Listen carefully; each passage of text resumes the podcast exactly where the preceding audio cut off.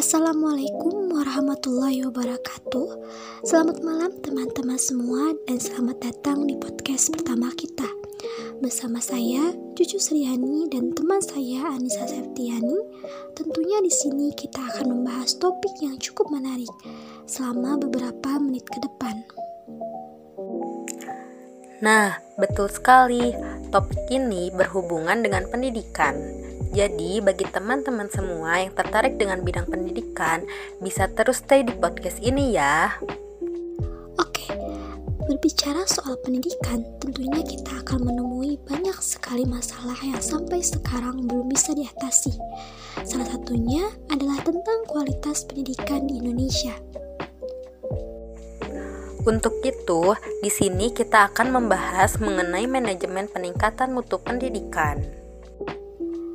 Sih mutu pendidikan itu? Menurut Hoy, Jardine, and Wood, mutu dalam pendidikan adalah evaluasi proses pendidikan yang meningkatkan kebutuhan untuk mencapai dan proses mengembangkan bakat para pelanggan atau peserta didik dan pada saat yang sama memenuhi standar akuntabilitas yang ditetapkan oleh klien atau stakeholder yang membayar untuk proses atau output dari proses pendidikan. Bisa dikatakan bahwa mutu pendidikan itu berhubungan erat dengan kualitas pendidikan itu sendiri. Nah, tentu saja ada beberapa faktor yang mempengaruhi mutu pendidikan. Faktor-faktor tersebut antara lain kurikulum, kebijakan pendidikan, fasilitas pendidikan, aplikasi teknologi informasi, dan komunikasi dalam dunia pendidikan. Nah, kita sudah membahas tentang apa itu mutu pendidikan dan apa saja faktor yang mempengaruhinya. Lalu, gimana sih caranya untuk meningkatkan mutu pendidikan Indonesia? Nah, pendidikan atau sekolah yang bermutu sendiri dapat ditingkatkan apabila sekolah memiliki. Nah, yang pertama ada dukungan dari pemerintah. Kedua, kepemimpinan kepala sekolah yang efektif. Ketiga, kinerja guru yang baik. Keempat, kurikulum yang relevan. Kelima, lulusan yang berkualitas. Keenam, budaya dan iklim organisasi yang efektif. Dan yang ketujuh, dukungan masyarakat dan orang tua siswa. Nah, dari penjelasan Anissa tadi, kita tahu nih ada beberapa pihak yang terlibat dalam peningkatan mutu pendidikan.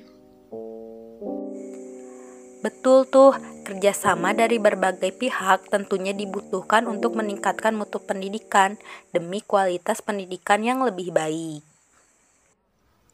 Dukungan pemerintah sendiri tercermin dalam Undang-Undang Dasar 1945 alinea keempat, di mana pemerintah berkewajiban untuk mencerdaskan kehidupan bangsa.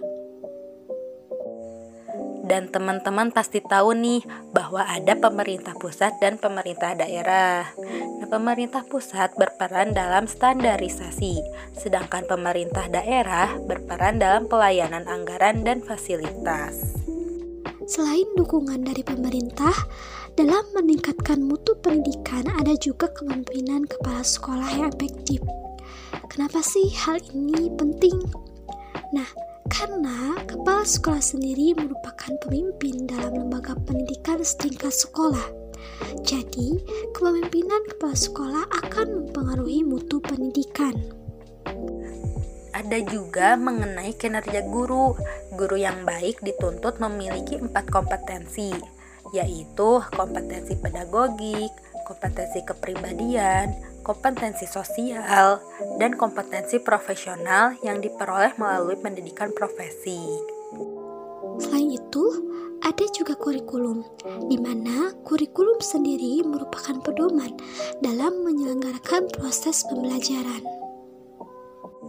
Nah, karena itulah kurikulum yang baik dan relevan sangat mempengaruhi peningkatan mutu pendidikan. Ada juga beberapa hal lain sebagai upaya dalam peningkatan mutu pendidikan. Ya, betul sekali. Di antaranya adalah lulusan yang berkualitas, lingkungan organisasi yang efektif, dan yang terakhir tentu saja dukungan dari orang tua dan masyarakat. Tidak terasa nih, teman-teman, kita sudah berada di akhir podcast. Ya, terima kasih banyak karena sudah mendengarkan podcast kita sampai akhir. Semoga kita bisa bertemu di podcast selanjutnya. Wassalamualaikum warahmatullahi wabarakatuh.